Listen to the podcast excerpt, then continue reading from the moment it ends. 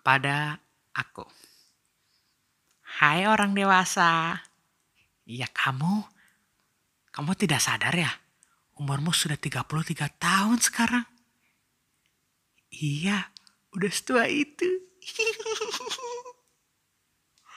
Apa kamu sedang membaca surat ini di teras? Teras rumah impian yang berhadapan dengan rumpun-rumpun hijau semata kaki. Apa sesuai dengan bayanganmu? Lalu, sedang apa suamimu? Apa dia sedang bekerja atau sedang membuatkan kopi panas? Apa dia romantis? Ah, berapa jumlah anakmu? Apa sudah dua ekor? Sesuai dengan perkiraanmu. Aku penasaran setengah mati dengan keadaanmu. Aku menulis dari kamarmu yang mungil itu. Mama papamu masih bertengkar di luar. Sepertinya mereka berdebat mengenai pekerjaan papamu yang serabutan itu.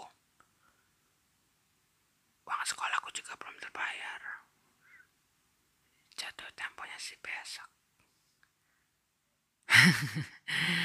I, mm, mungkin itu juga yang memancing perdebatan mama dan papamu sekarang kali ya.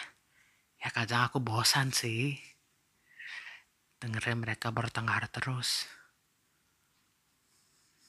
Aku boleh nggak menginap di rumahmu semalam?